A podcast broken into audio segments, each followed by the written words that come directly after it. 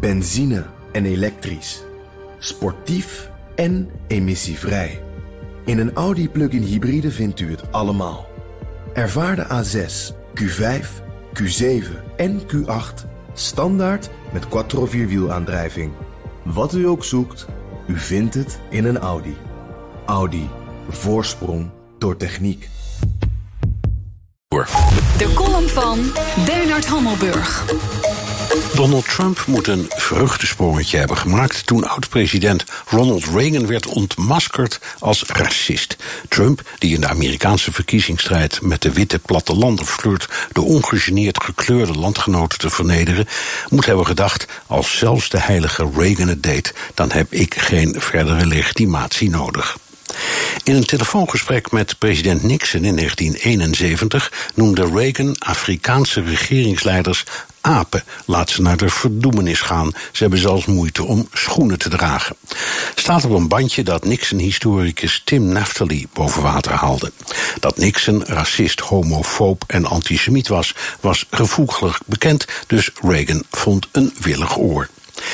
De Amerikaanse presidentiële geschiedenis zit vol voorbeelden van vaak vilijn racisme.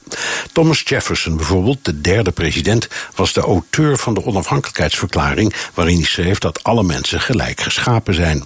Maar in een boek beschreef hij zwarte landgenoten als mensen met een sterke onaangename geur die niet in staat zijn kunst of poëzie te creëren. Net als zijn voorgangers en een zwik opvolgers had hij slaven. Als die vrij zouden komen, schreef Jefferson, moesten ze het land uit, want zwarte en witte konden niet vreedzaam naast elkaar leven. Toen dus al dat argument: ga terug naar je eigen land. Het opmerkelijke is dat de zwarte wortels in Amerika teruggaan naar de 17e eeuw en dat de meeste blanken later kwamen. De grootste etnische groep, de Duitsers, kwam in de 19e eeuw, net als de Ieren, de Italianen, Schotten, Chinezen en Oost-Europeanen. Ga terug naar je eigen land? Duitsland dus. Andrew Jackson was een notoire racist, net als Andrew Johnson, James Monroe, Woodrow Wilson, Ike Eisenhower en zelfs Harry Truman, die na de Tweede Wereldoorlog een heldhaftige kampioen werd van de strijd voor gelijke burgerrechten, schreef in 1911 in een brief aan zijn verloofde dat hij vooroordelen had.